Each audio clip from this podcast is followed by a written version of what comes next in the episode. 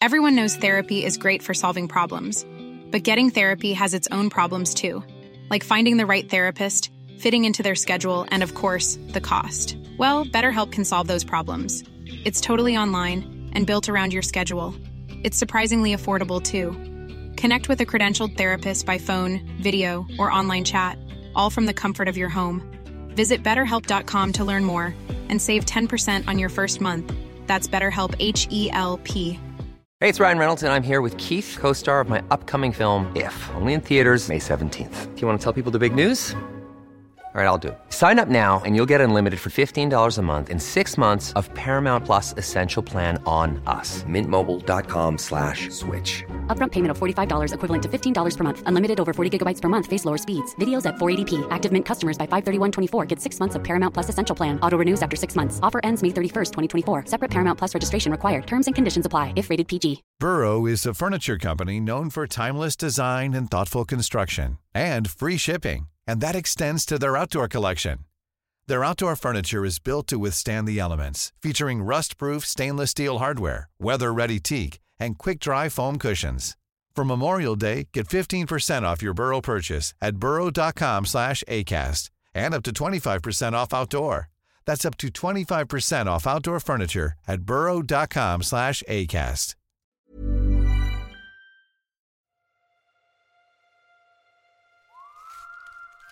SOS 112, vad har inträffat? Hej, eh, det brinner hos våra grannar. Ser du lågor? Eh, Ja, ja, ja, herregud, ja det gör jag. En 24-årig man har idag åtalats vid Attunda tingsrätt misstänkt för två mordbränder i Sollentuna förra sommaren varav en ledde till att en 58-årig kvinna dog. Han utnyttjar elden som ett medel. Eh, precis som en gärningsman använder sig av en pistol så använder han sig av, en, av elden istället. Tidig morgon den 16 juli 2018 utvecklas en kraftig brand i en lägenhet i Rotebro i Sollentuna kommun. I lägenheten befinner sig då den 58-åriga personliga assistenten Sakina som tyvärr inte hinner ta sig ut och rökdykare hittar henne svårt skadad i sin säng. Hon förs till sjukhus men hennes liv går inte att rädda. Samma morgon tar den 24-åriga flygvärden Mert Sari sig till samma sjukhus ovetandes om Sakina överlevt eller inte. Och i hopp om att få besöka henne och ta sig in i hennes rum uppger han ett falskt personnummer och säger att han är Sakinas anhörig. Men Mert är inte Sakinas anhörig. Det är han som är Sakinas mördare. Ni har inte så här svar från NFC och sånt här? Nej. Eller? Vilka svar tänker du på? Alltså DNA och sånt? Nej. Alla svar är inte klara än. Nej. Du snackar bara massa skit, alltså, vet du det? Ja, okej, varför berättar du din fitta? Jag berättar inte hela. Ah, fuck you, du har redan berättat allt. Du lyssnar på Rättegångspodden och på den första av fem delar om flygvärden som eldade kvinnor. Mitt namn är Nils Bergman.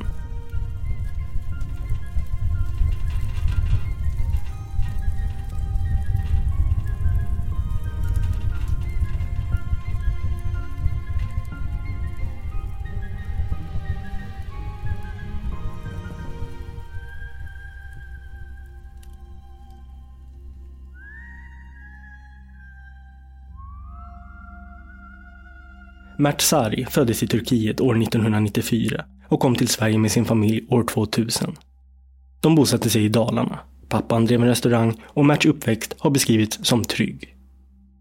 Mert är främst sportintresserad, men efter gymnasiet bestämmer han sig för att följa sin pappas dröm om att bli lärare.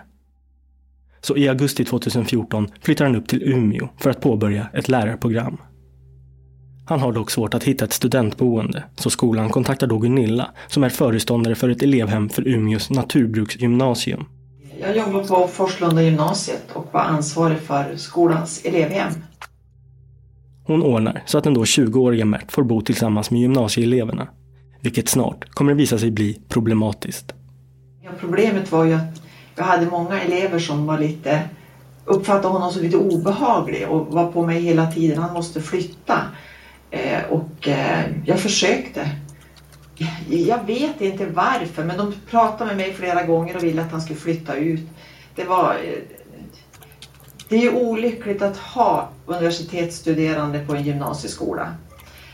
Så att eh, situationen var lite ohållbar. Så jag har aldrig tagit in någon fler efter detta utan nu är det bara gymnasieelever som bor. Mm. Och, och varför är det olyckligt då? Är det... Ja, men vi har ju stenhårda regler vad gäller alkohol och droger. Det är nolltolerans och ha någon som är myndig. Mm. De har, ju- det är ju, vi kan ju inte tillrättavisa dem på samma vis. Mert sticker ut på elevhemmet och beskrivs som en udda fågel. Mert dricker alkohol och röker cannabis, vilket inte uppskattas av de övriga eleverna, som upplever honom som direkt obehaglig. Ja, eleverna tyckte inte att det var så roligt. De uppfattade honom som han hade väldigt mycket pengar och de tyckte det var lite skumt. Det är ju bara med vad jag har hört eleverna säga. Det är ingenting jag kan Nej, nej. styrka. Merts inkomster i den här tiden är CSN-lån och bidrag. Men när det krisar sig drar han sig inte för att be sin mamma om pengar. Och hon ställer oftast upp. Och Mert är slösaktig med sina pengar och åker bland annat taxi till skolan var och varannan dag eftersom han tycker att bussen går för sällan. Nej, det var väl bara att det- kom ju oerhört mycket paket. Han beställde hemskt mycket saker. Det var paket överallt. Och eleverna berättade om att de hade varit på bio och han betalade bion och han betalade taxi och att... Och de upptyckte det var... Eleverna sa till mig att det är så konstigt för att eh, eftersom han studerar på universitetet, hur kan han ha så mycket pengar? Och det är ju ingenting som jag kan Nej. kunde svara på. Åklagaren Ashraf Ahmed har hört från vittnen att Mert uppvisade en odräglig och överlägsen attityd som gjorde många elever illa till mots. Och han vill höra mer om vad föreståndaren Gunilla fick höra om detta. Ja, det var väl mer, det var mer ja men det här är lite att han skulle ha sex med eleverna och eh, sådana saker. Lite vulgärt sådär mera. Kommer du ihåg om det förekom några könsord från hans sida? Jo, det gjorde det. Det gjorde det. Mm. Vad var det för något då? Ja, ja men sånt som de, ut, som de uttrycker i den åldern är ju mycket... Ja. Men, men om du har hört någonting så är jag är du vänlig att berätta det i så fall. Ja. Ja, ja, Exempel. Men, exempel, ja men kuk och fitta och de skulle knulla och sådana saker. Mm. Ha, har det sagts någonting om horunge? Eh, ja, Under hösten 2014 till våren 2015 inkommer flera klagomål gällande Mert och Gunilla vill att han omedelbart hittar ett nytt boende. Men Mert verkar bekväm där han är och gör inga ansträngningar för att själv hitta ett nytt boende. Istället blir det så att en av gymnasieeleverna väljer att flytta från elevhemmet på grund av Merts uppförande. Alltså jag såg han mest i ja, men korridorer och sådär. Och jag vet inte, men jag fick en magkänsla av att nej, jag ska ju som hålla mig på min sida. Jag vet inte riktigt hur jag ska förklara på ett bra sätt. Men att magkänslan sa att jag inte skulle invol- involvera mig så mycket med honom. Så jag höll mig på min kant. Mm. Varför? Va?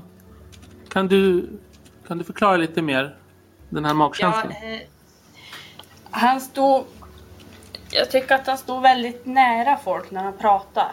Som in i det personliga utrymmet man har. Och sen...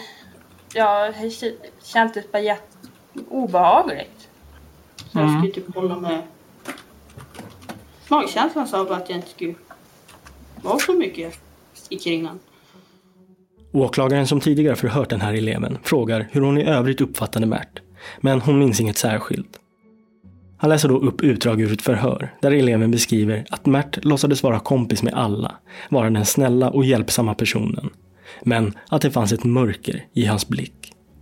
Han gav ett intryck av att vara en mycket labil person. Som att han skulle kunna flippa ur när som helst. Åklagaren frågar om eleven vill utveckla det. Okej. Som att han är trevlig men samtidigt kan det hända att om han blir arg så blir han arg. Och då spelar det som ingen roll. Utan han blir arg. Att det är som att det kan slå över. Det var mycket därför jag kände obehag också. Som att någonting med han var att det kunde tvärslå över. Vid ett tillfälle kallar Mert den här eleven för horunge och han anmäls för det. Föreståndaren Gunilla får reda på detta och försöker återigen få Mert att flytta ut. Jo, de ringde mig. De ringde mig för det var en elev som vi hade på skolan som hade gjort en anmälan då. Och då ifrågasatte de om han var lämplig som att bli lärare. Och det här är ju, då ringde de ju, våran elev då, hon gick första årskursen, hon gjorde en anmälan till universitetet och flyttade för hon ville inte bo kvar och jag vet inte riktigt vad det berodde på, om det var att hon inte trivdes i skolan eller om det var den här incidenten, det kan inte jag säga. Mert anmäls till universitetet och utreds under våren 2015 för att se om han är lämplig att fortsätta sina studier. Under tiden man pluggar till lärarprogrammet förväntar man sig bete sig lika ansvarsfullt som om man redan vore en lärare, vilket Mert uppenbarligen inte gör. I mars 2015 avbryts hans studier och han flyttar då ner till Stockholm. Och vilket år träffas du och Mert? 2015.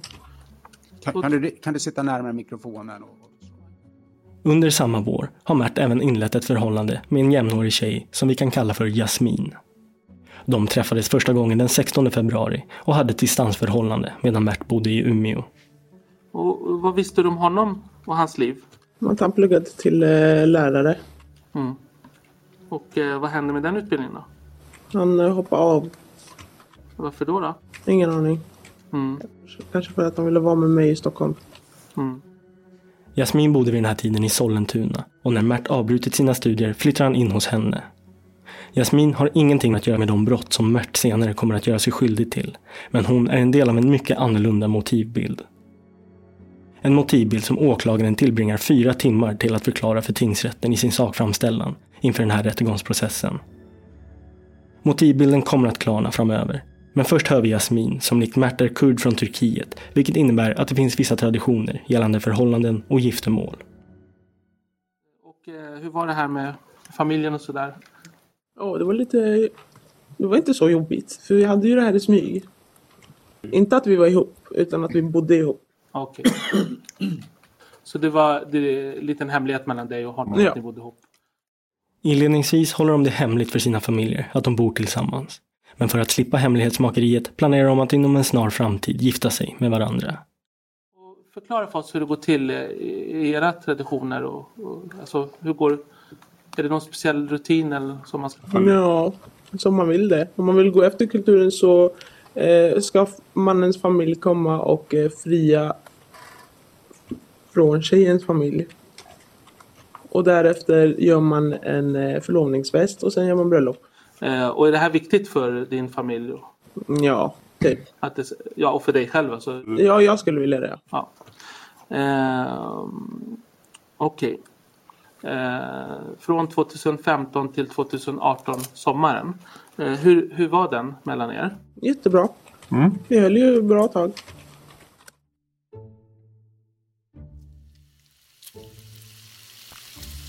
Och då var det det att min brandman satte igång och tjuta på grund av att jag stekte fläsk. Märta och Jasmins förhållande fortlöper in på år 2018 och Jasmin arbetar som personlig assistent åt en familj med en handikappad dotter. Och Mert har utbildat sig till flygvärd och fått jobb på SAS. Och någon gång under sommaren 2018 inträffar en händelse som senare kommer att få viss betydelse. En av Jasmins grannar, Kerstin, står i sitt kök och steker fläsk då hennes brandvarnare plötsligt går igång. Och då fick jag inte tyst på brandlarmet och då ringde de, kom de och ringde på dörren och frågade om jag behövde hjälp. Jag har fått tyst på den där. Okej. Och, och kommer du ihåg eh, vad det var, ja, hur många personer det var och vem, om, du, om de gick in i din lägenhet? Ja, han kom in och liksom plockade ner brandvarnaren då. Mm. Och det var en kille som gjorde det. Och så hade han sin fru med. Men hon gick aldrig in i lägenheten. Nej. Utan hon stod liksom på tröskeln. Mm. Vad gjorde han då? Stängde av brandlarmet, plockade ner det. Tjutet från brandvarnaren tillkallar Mert och Jasmin, som Kerstin tror är gifta med varandra, men det är de inte. Kerstin är gammal och har vissa svårigheter att röra sig. Så Mert kommer till undsättning och hjälper Kerstin med att ta ner den tjutande brandvarnaren och plockar även ut batterierna. Killen kom i alla fall in och tog ur batterierna ur brandvarnaren. Ja. Men då måste jag ju ta ner brandvarnaren först. Ja, ja, så, så du är rätt. Jag vill bara den här detaljen med batterierna. Jo, men det gjorde han för att se- sen låg det på byrån. Mm. Och fanns det inget batteri i den där brandvarnaren. Ja. Och åklagaren frågar Jasmin vad hon minns om den här händelsen. Har du vid något tillfälle tillsammans med Mert eh, hjälpt eh, Kerstin på något sätt? Alltså jag minns inte det här med brandvarnaren. Eh, hon öppnade dörren och jag hörde att det, eh, den larmade. Och så skrek hon hallå hjälp, hjälp. Och så går, öppnar vi dörren, eller öppnar jag dörren. Jag kommer inte ihåg om Mert var med. Men jag hjälpte henne i alla fall med att ta ner brand, släck, brand, brandvarnaren. Jag kommer fortfarande inte ihåg om Mert var med. Det är svårt att fastställa exakt när det här hände, men någon gång tidig sommar 2018 enligt Kerstin. Har ni hamnat i någon konflikt så att ni har varit fysiska mot varandra? Nej, i så fall är det jag som har varit fysisk. Okej. Jasmin beskriver förhållandet med Mert som bra, men kantas av en del mindre bråk, som i alla förhållanden. Jasmin poängterar att Mert aldrig varit fysisk mot henne och åklagaren frågar hur hon skulle beskriva Mert som person. Lugn, snäll, omtänksam. Och, och när han och, ni, och du bråkar, hur, hur, hur brukar det vara då? Eh, Han brukar oftast lugna ner mig. Ja, han är den som lugnar? Ja. Och vad gör han då när ni har bråkat? Eh, kommer fram och kramas och pussas. Okej. Men eh, löser ni konflikten eller? Ja, det tar kanske 5-10 minuter. Ja. Okej, och du då? Hur är du som person när ni bråkar? Jag blir arg lätt. Och kan hitta på anledningar till att bråka också. Okej. Och, och varför blir du arg på Mert då? Nej, jag är bara en sån. Som eh, har hög temperament kanske. Mm. Är du en känslomänniska? Ja. Okej. Mm. Eh, du, jag tänkte er relation här. Litar du på, eh, litade du på Mert under er relation? Ja, det gjorde jag. Gjorde du? Jag är 28. Jag jobbar på SAS som flygvärdinna. Jasmin har alltid litat på Mert, men det kommer visa sig att Mert är allt annat än pålitlig. Under tiden han planerar giftermål med Jasmin inleder han en flört med en kollega på SAS. Vi kallar henne Maja. Det som var att eh, om vi går tillbaks till den dagen då vi flög tillsammans. Som sagt man pratade om allt möjligt. Om Vi var singlar, vad vi hade för status liksom. Eh, hur vi levde och jag berättade nej jag är singel liksom och jag har ingen partner just nu. Hur är det med dig? frågade jag. Jag är också singel frågan ut, eller svarade han utan att eh, tveka ens liksom. Så det var det svaret jag fick utav honom. Så det var där jag trodde att han var. Genom att jag litade på Mm. Okej. honom. Maja upplever Mert som en väldigt social och reko kille. Han har humor tycker hon och de klickar direkt med varandra. Mert och Maja fortsätter flörtandet över sms och telefonsamtal även efter flygningarna de har tillsammans. Och det sköts i smyg för Merts del. Samtidigt börjar Jasmin känna sig frustrerad över att Mert inte kommer till skott gällande giftermålet. Efter ett tumultartat bråk befinner sig Mert på sitt jobb och får då en bild skickad till sig där alla hans kläder och ägodelar är utkastade ur Jasmins lägenhet. Vi hör Jasmin. Minns du då varför du kastade ut Mert? Det kan ha varit för att vi har svurit åt varandra bara. Vi brukade inte ha speciella grova anledningar till att göra slut utan det blev en vana till att vi brukade göra slut hit och dit för att vi sen ska bli sams och vara kärleksfulla mot varandra igen. Men vad var syftet med att skicka den här bilden till honom då? Typ en liten hot till att jag kan slänga ut dig. Så Mert är utkastad och förhållandet över. Jasmin får tillbaka sina nycklar från Mert och Mert är numera hemlös. Åklagaren läser upp ett polisförhör med Jasmin när hon utvecklar händelsen mer. Eh, han skulle för det första hämta, jag hade slängt ut han. Vi, har, vi var sambos typ men ingen vet om det för att det passar inte i vår, du vet, vi är muslimer och du, ja, ni kanske vet allt. Eh, så vi har ju väntat på att de ska komma hela tiden. Men, och vi har varit ihop i fyra, fem år, fyra år, men de har skjutit på det hela tiden så den här ilskan jag har haft mot honom för att han inte gör något saken. Han ska ju kallas för man och typ sen säga nu vill jag att ni ska komma till föräldrarna så vi har bråkat om sådana saker hela tiden. Ja. Ja. Ja. Vad har du för kommentar till det här? Nej, det är så. Stämmer det? Ja. Ja, hur reagerade Mert på det här då? Att du hade kastat ut honom? Eh, ingen aning. Han var väl arg. Ledsen kanske. Hur var er kontakt därefter? Vi... Jag tror inte vi pratade så mycket. Efter att ha varit tillsammans så länge och med planer på giftermål som kommunicerats till släkten blir uppbrottet ett nederlag. Och Mert kommer att kanalisera sin ilska och frustration på sin arbetsplats. Mitt uppdrag tillsammans med min avdelning det handlar om att skydda SAS mot kriminella aktiviteter, terrorism, eh, skydda personal och, och kunder och egendom kan man väl säga och, och varumärken. Vi hör Leif som är koncernsäkerhetschef på SAS. Under den här våren upptäcks olika typer av klotter i personalutrymmena på vissa flygplan. Det står saker som jävla hora, horunge, fitta och knulla din mamma på väggar och på säten och även inristat i speglar. I samband med att vi kartlade då var och hur kan det här ha inträffat då så är det så att vi gick också ut med en eh, skrivning i våran veckobrev till all personal där jag uppmanade då personal som hade sett något misstänkt eller uppfattat något konstigt ombord på planen för de här klottren var bara gjorda i de utrymmen där personal har tillträde egentligen, inte för allmänheten utan i de så kallade gallyn där man tillagar mat och förvarar råvaror och, och material. Så att vår, vår uppfattning initialt var ju att det här måste vara någon i personalen som har gjort det här. Eh, och eh, när jag gick ut med det här infobrevet så fick jag ganska snabbt eh, anonyma samtal om att vi tror att vi vet vem det är. De anonyma tipsen som kommer in pekar mot Mert, som flera tycker har agerat konstigt under vissa flygningar. Och vid närmare efterforskning framkommer också att Mert tjänstgjort på samtliga flygplan som man upptäckt klottret och skadegörelsen på. Därför kallas Mert in till ett möte. Och, eh, och med den grunden då så kallade jag eh, Mert på möte ute på basen på Arlanda. Och mm. eh, när säkerhetschefen kallar i ett flygbolag då kommer man. Det är ungefär som att vdn kallar. Vi har, vår kultur säger att säkerheten går först i, i vårt bolag. Det är alltså inget bra tecken att bli kallad till ett möte med säkerhetschefen och det vet Mert. Mert misstänker troligen vad det hela rör sig om och han vet att det är troligt att han nu kommer att förlora sitt jobb.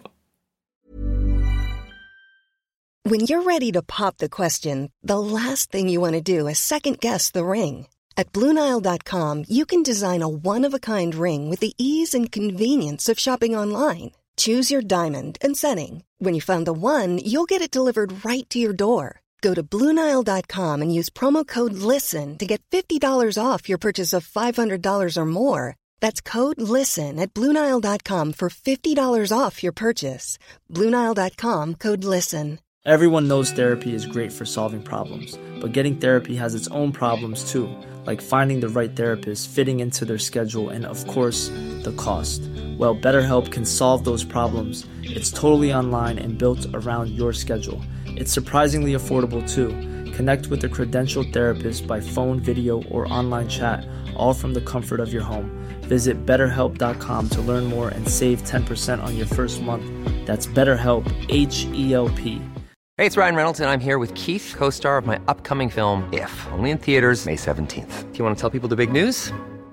All right, I'll do it. Sign up now and you'll get unlimited for $15 a month in six months of Paramount Plus Essential Plan on us. Mintmobile.com slash switch. Upfront payment of $45 equivalent to $15 per month. Unlimited over 40 gigabytes per month. Face lower speeds. Videos at 480p. Active Mint customers by 531.24 get six months of Paramount Plus Essential Plan. Auto renews after six months. Offer ends May 31st, 2024. Separate Paramount Plus registration required. Terms and conditions apply if rated PG.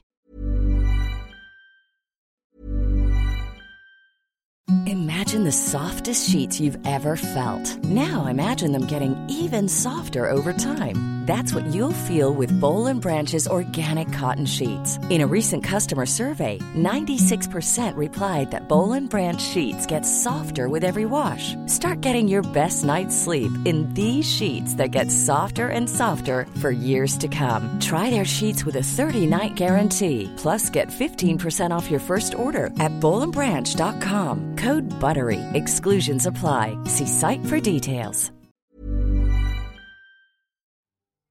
Mötet ska hållas den 16 juli och det är samma dag som någonting mycket tragiskt kommer att inträffa. Där på väg till Rotebro Eh, Det var en brand, alltså radhus som brinner. Vid sextiden på morgonen kör busschauffören Ahmad linje 520 från Holmboda till Sollentuna. Vid Rotebro, närmare bestämt vid Ytterbyvägen, upptäcker han en kraftigt utvecklad brand. Och eh, då ringde jag trafikledningen och bad dem att ringa eh, brandkåren. Sen jag tuttade mycket eh, för att väcka folket. Ingen var där alltså. Jag tror alla sover. Det var klockan kvart över sex. Du vet alla sover den tiden. Och jag tuttade för att väcka grannarna där. Alltså bu- bussen stannar ju och så börjar han tuta. Vi hör en av passagerarna på bussen, Robin, som också blir en av de första vittnena till branden. Jag satt väl och kollade ner i luren så kollade jag upp liksom och då, då ser man ju från, från fönstret på, på den ena sidan så var det flammor som kom ut. Mm. Och sen på, på, jag kommer inte ihåg, jag tror man såg rök på andra sidan också. Men det blev ju värre ganska, det gick ju fort och sen så var det eld överallt liksom. Mm. I grannlägenheten till den lägenheten som brinner ligger en familj och sover. Men föräldrarna på övervåningen väcks vid kvart över sex av att deras 15-åriga son springer in och säger att de måste vakna för att det brinner. Mamman går en trappa ner och öppnar altandörren och tittar ut och slås av kraftig rökbildning och hör knastret från en brand. Hon inser att det här är illa och tar med sig sina barn ut och ringer 112 medan hennes man går för att väcka övriga grannar. SOS 112, vad har inträffat? Hej, eh, det brinner hos våra grannar. I huset? Ja. Ja, visst ska vi se. Vilken kommun är detta i? Vägg, direkt vägg, vägg. Ja, vilken kommun är detta i? Sollentuna. Och adressen? Ytterbyvägen. Ser du lågor? Uh, ja, ja, ja, herregud, ja det gör jag. Ja, slår de ut för fönster och tak? Ehm, och så stannade han och tutade och jag tror han ringde, ringde polisen också. Busschauffören som stannat sin buss utanför ringer också och larmar 112. Och passageraren Robin kliver då ut och passar på att filma branden med sin mobil. Ögren, tror du det brinner mycket eller? Alltså det brinner som fan. Det är en kraftig brand som nu utvecklats i ett tätbebyggt område med många boende som löper direkt fara att brinna inne. Mamman i grannlägenheten fortsätter att ta kontakt med SOS Alarm. Finns det en möjlighet från annat håll knacka på dörren så att de Ja. kliver ut där? Ja, finns det något håll där som om du skulle kunna gå och knacka någonstans på något fönster eller någon dörr där? Jag vet inte, min man har... Har du, har du, har du knackat på? Har du knackat på och ringt på där? Det går inte att komma fram. Om ni försöker ropa bara jättehögt där och ifall någon, Ja. ifall det är någon kvar där. Ja, de är på väg. Ja, både räddningstjänst och ambulans är larmade så de kommer där.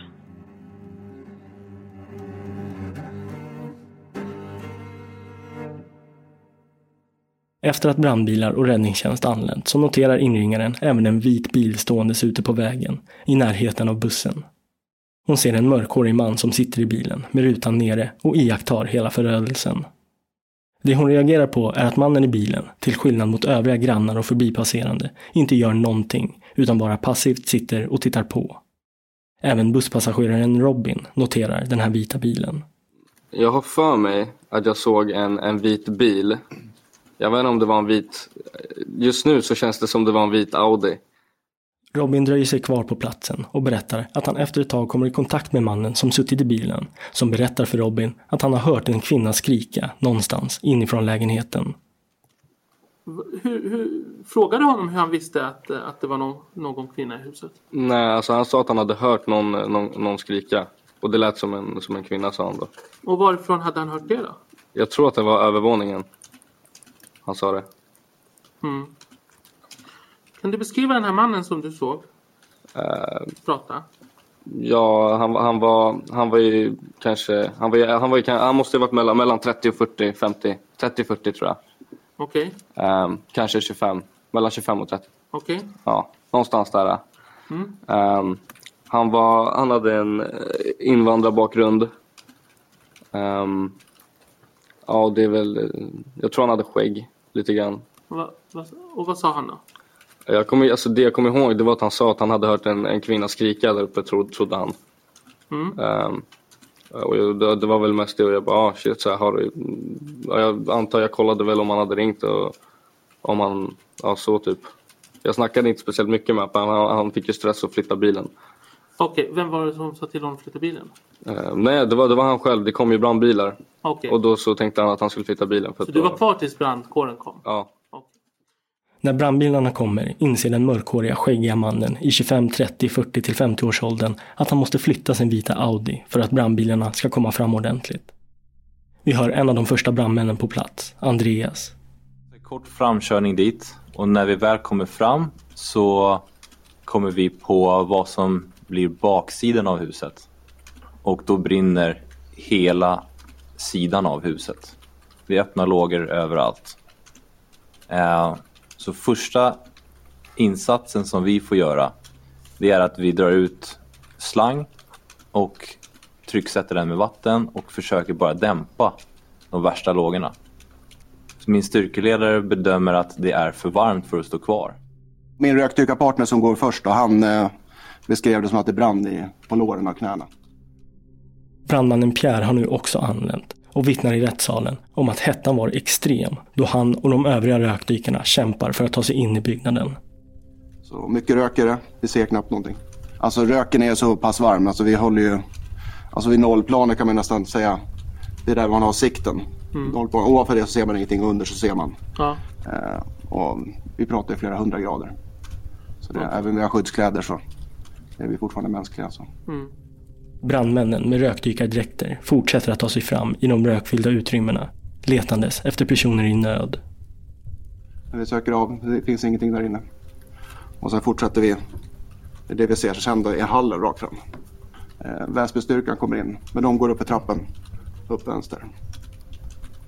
Så jag och min kollega går upp på övervåningen.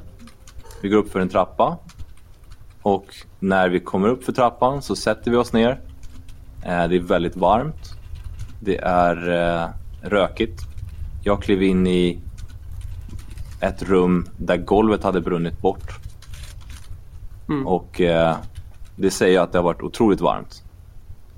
Ehm, och vi ser att det brinner kraftigt till vänster. Eh, och till höger så ser vi en dörr in till vad vi tror är ett sovrum. Vi bedömer då att vi ska gå in till sovrummet. För att kolla att ingen ligger kvar i sängen. Och då när vi kommer in i sovrummet så påträffar vi en person som ligger på golvet. Och vi, med, vi meddelar ut detta då till rökdykarledaren. Att vi har hittat en person och att livräddning påbörjas. Och vi påbörjar då livräddning, eller ett försök till livräddning och släpar ut den här personen. Ut till, de, eh, till rökdykarledaren och mina andra kollegor. Som i sin tur lämnar över till ambulansen. Eh, Jag var med upp i, eller jag försökte assistera i trappan på vägen ner när de eh, hade hittat personen. Mm. Eh, och eh, de klarade sig ganska bra ner där, så när de väl fick ut den så hjälptes vi åt att få upp på en, en där. Kvinnan de hittat i en säng i sovrummet i den brinnande lägenheten är den 58-åriga Sakina. Hon arbetar som personlig assistent åt dottern till familjen som bor i lägenheten. Hon har varit där för att vakta huset åt den familjen som just då befinner sig på Gotland över helgen. Det är den här familjens dotter som Jasmin också är personlig assistent åt. Och Jasmin är med på resan till Gotland för att ta hand om dottern som lider av ett handikapp. Så Jasmin och Sakina är goda vänner med varandra. När brandmännen för in Sakina i ambulansen är hon mycket svårt brännskadad och reagerar inte på upplivningsförsöken. Ambulansen tar henne till Karolinska sjukhuset i Solna. Och sen så får vi ut den här personen och jag står kvar på avspärrningen. Under den här tiden har även polisen anlänt och börjat spärra av platsen. Vi hör en av poliserna, Elin. Jag ser att det står en eh, klunga med människor ganska nära huset, tittar på. Och eh, förstår väl att det förmodligen är grannar. Ehm, Så att jag ber dem att flytta på sig. Och eh, de flesta gör det. Ehm, Och sen så är det väl en person som dröjer sig kvar då. Lite grann och jag lägger märke till det. Personen som dröjer sig kvar är den mörkhåriga och skäggiga mannen med den vita Audin. Hon går fram till honom och får reda på att han har sett hela händelsen och beslutar sig för att hålla ett kortare vittnesförhör med honom. Så att jag eh, tar hans uppgifter. Eh, och vad jag förstår det som så säger han att han, eh, han känner den här personen som eh, jobbar i det här huset, att det är hans flickvän. Han säger att han eh, var på väg förbi huset på morgonen och ser att det brinner. Han ska hämta sina jobbkläder hos sin flickvän.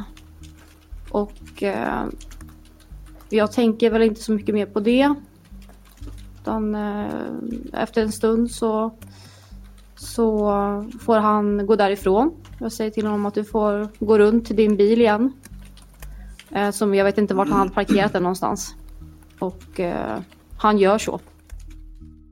Elin minns inte så mycket mer av det här korta förhöret. Mer än att han under förhöret agerade på ett annorlunda sätt. Tittade han ju mycket över min axel och det reagerade jag över. Att han tittade mycket, inte mig i ansiktet när vi pratade. Mm. Utan han tittade mycket på andra sidan om mig. Som folk inte brukar göra när man pratar med dem. Men jag tänkte att det kanske var av nyfikenhet liksom. Eh, vi fick en larm, en brand. Eh, och då var att det är en trauma 1. Det kommer snart visa sig att denna mörkhåriga skäggiga man är Mert Sari och efter att ha pratat med polisen så sätter han sig i sin vita Audi och åker till det sjukhus där han tror att den brandskadade kvinnan, Sakina, har förts till. Först åker han till Danderyds sjukhus och frågar om hon är där, men får då reda på att Sakina förts till Karolinska. Det han inte vet är att Sakina då har avlidit av sina skador. Någon gång vid 8-9 tiden på morgonen kliver Mert in på Karolinska och meddelar i receptionen att han är anhörig till brandoffret Sakina. Receptionen meddelar då Francesca, som arbetar på sjukhuset som undersköterska och anhörigmottagare. Ehm, så jag gick och hämtade den personen och ehm, hänvisade till det här rummet som vi har till för att ta hand om anhörig. Ehm, det var en man, eh, ganska ung, ensam. Eh, han ville eh, bara veta hur det går för den här patienten. Och den här patienten som kom, det kom okänd kvinna. Vi får inte lämna uppgifter när eh, det är oidentifierat. Så eh, då, då mm, kom de väldigt snabbt ner från det här trauma-efter-rummet. Så jag visste att hon hade dött. Men jag kan inte lämna uppgifterna. Men jag tyckte väldigt synd om honom. Så jag började fråga honom eh, om han var ensam, om, han skulle ringa någon. Och han sa att det är, eh, och vilken relation sa jag, vem är du? Eh, det är min moster och alla är på semester. Mert är inte anhörig till Sakina. Men att hävda detta är ett sätt för honom att komma närmare Sakina. Och varför han vill göra det går bara att spekulera i. Men åklagarens teori är att Mert vill få reda på vad Sakina vet eller kan ha sett. Eftersom misstankarna man senare kommer att jobba med är att det är Mert som tänt på lägenheten och därav orsakat hennes död. Men eftersom Sakina för Francesca är okänd och Mert inte kan styrka att han är hennes anhörig så står hon på sig och säger att han tyvärr inte får träffa henne. Eh, jag frågade eh, om ehm, vad han skulle göra. Eh, eh, och då, då sa han att det är, eh, han jobbade som pilot på SAS och klockan tre skulle han ehm, eh, till Paris. Och det här är ytterligare en lögn från Bert. Och det är inte första gången han för andra personer hävdar att han är pilot istället för flygvärd. Men det är inget Francesca vet någonting om. Och även om Mert inte kan styrka något han säger så behandlar hon ändå Mert som att han vore en anhörig i sorg. Eh, men eh, sen när jag satt där med honom då ringde min, eh, en kollega som hade tagit hand om den här patienten som hade kommit. Och eh, då går jag ut och då var polisen hade redan kommit. Och de frågade mig, vem är han? Jag är en anhörig. Nej, men det finns en annan anhöriggrupp. Och det var eh, hennes syster och systerdotter. Jaha, och de hade det här dilemma. Till vem ska de lämna beskedet? Poliserna som nu anlänt till sjukhuset blir direkt konfunderade kring den här mannen som hävdar att han är anhörig. Eftersom Sakinas riktiga anhöriga nu meddelat sig i receptionen. Så polisen ber Francesca att fråga Mert om hans personnummer, vilket hon gör. Men Mert uppger då fel personnummer till henne, vilket polisen direkt upptäcker då de slår på det. Så de ber henne att gå och fråga honom igen. Då går jag tillbaka och frågar igen. Då får jag rätt. Och eh, polisen tar fram en profil som ni, har, ni, de kan göra den. Och det var samma person. Eh, som personnummer, den rätta. Och ehm, då bestämmer de för att eh, han kommer att stanna där på vänte, eh, den där lilla rummet och de andra var i en annan rum inom akuten. Så polisen och eh, överläkare som tog hand om den här patienten och eh, min kollega eh, och jag går in och lämnar beskedet. Och eh, i det här tillfället han hade gått ut igen för att eh, lägga mera pengar på parkering. Eh, så de skulle, polisen efter de hade lämnat beskeden till de närmaste anhöriga skulle de tillbaka till honom och lämna samma besked. Men eh, som jag vet, han kom aldrig tillbaka. Mert försvinner iväg och dyker inte upp på sjukhuset igen. Men polisen har nu hans personnummer och vet vem han är. Och senare den här dagen, den 16 juli, vid 14-tiden, förbereder sig koncernsäkerhetschefen Leif på SAS inför mötet som de bokat in med Mert. Där de ska fråga honom vad han känner till om klottret och skadegörelsen på flygplanen som han tjänstgjort på. Så jag tror att klockan var 14 skulle vi träffas och eh, jag satt med Merts manager. Inför mötet har Leif skaffat sig en tydligare bild av Merts tid som anställd och det framgår då att han inte är en pålitlig person. Och det kommer nu att bekräftas då Mert inte dyker upp på mötet. Och eh, ingen Mert dök upp. Eh, och eh, efter en halvtimme så ringde eller smsade hans manager till Mert och vi fick inget svar. Vi fick svar tror jag tio minuter i tre på sms från Mert där han uppgav att han hade fått punktering och inte hann att komma till det här mötet. Då. Och sen skulle han börja jobba så, strax efter 15 vilket gjorde att vi kunde inte förlänga mötestiden. Och för mig med min erfarenhet och bakgrund så tyckte jag att det var jävligt udda i klartext att eh, man inte kommer på det här samtalet. Besvikna över det uteblivna mötet bestämmer de sig för att boka in ett nytt möte till dagen efter.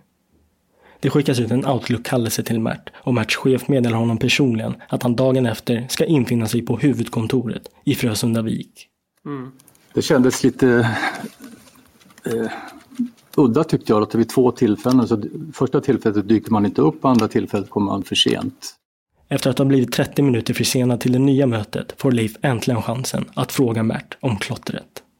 Och vi hade ett ganska kort samtal Mert och jag och pratade om det här med klottret och allvarligheten i det här utifrån att det är luftfartssabotage eller är det liksom förberedelse till terrorism ombord eller vad som helst. Då. Och eh, Mert har i sin utbildning mycket hög kunskap om eh, vad man gör och inte gör då, som besättning på SAS. Eh, Mert sa inte mycket. Han är väldigt tystlåten enligt min mening. Och, eh, eh, vad jag minns så förnekar ju Mert det här kännedom om det och kunskap om det och, och så. Så att han erkände ju inte på något sätt då. Men jag upplevde inte Mert som speciellt talför.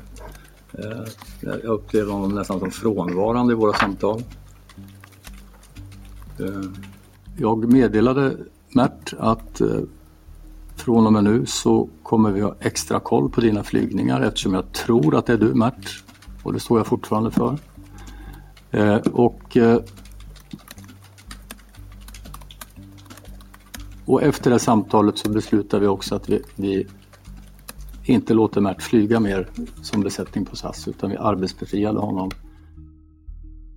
Så säkerhetsavdelningen på SAS väljer att arbetsbefria Mert under tiden de utreder händelserna.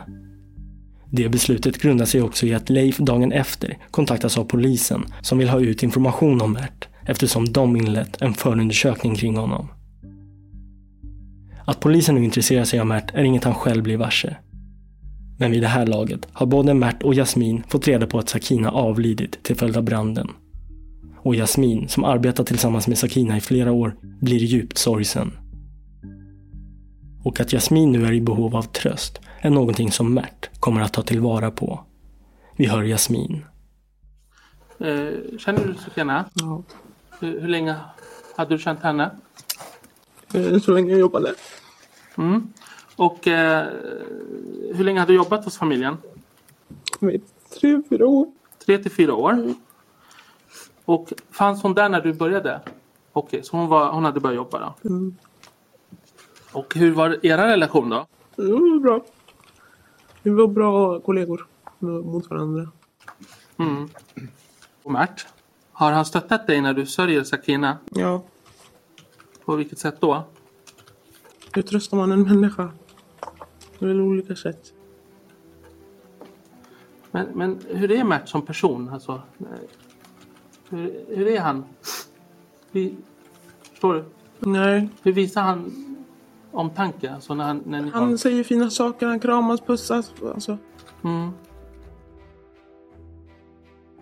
Att Jasmin sörjer blir ett ypperligt tillfälle för Mert att på ett naturligt och osökt sätt återuppta kontakten med henne. Han är bra på att trösta henne och Jasmin känner sig återigen trygg i hans sällskap. På så vis lappas deras förhållande sakta men säkert ihop igen och ingen är nu lyckligare än Mert. Vi träffades och pratade och sen eh, gick jag hem till mamma och sen eh, fick han eh, nycklar av mig och då blev vi sams. Men samtidigt intresserar sig polisen mer och mer för Mert och åklagaren får det beviljat av domstol att börja använda sig av hemlig telefonavlyssning.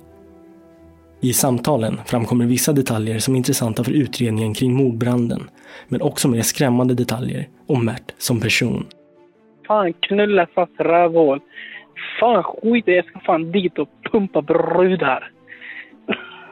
Mert fortsätter nämligen ha kontakt med flörten Maja, men ringer en morgon även upp 40 andra slumpmässigt utvalda kvinnor som finner samtalen med Mert mycket obehagliga. Igen, ni är psyk båda två. Håll käften på dig. Fattar du? Du kommer ringa polisen. Ja, men ring polisen din jävla svenne. Och vänsterprasslet med Maja kommer att uppdagas. Förhållandet med Jasmin kommer få sig en ny törn och då kommer det att börja brinna igen. Vart brinner det någonstans? Du har lyssnat på Rättegångspodden och del 1 om flygvärden som eldade kvinnor. Mitt namn är Nils Bergman. Ansvarig utgivare är Jonas Häger. Stort tack för att ni har lyssnat. Är du helt naken? Nej, jag är inte. Ja, men vad har du på dig då? Jag har trosor. Ja, men take it off.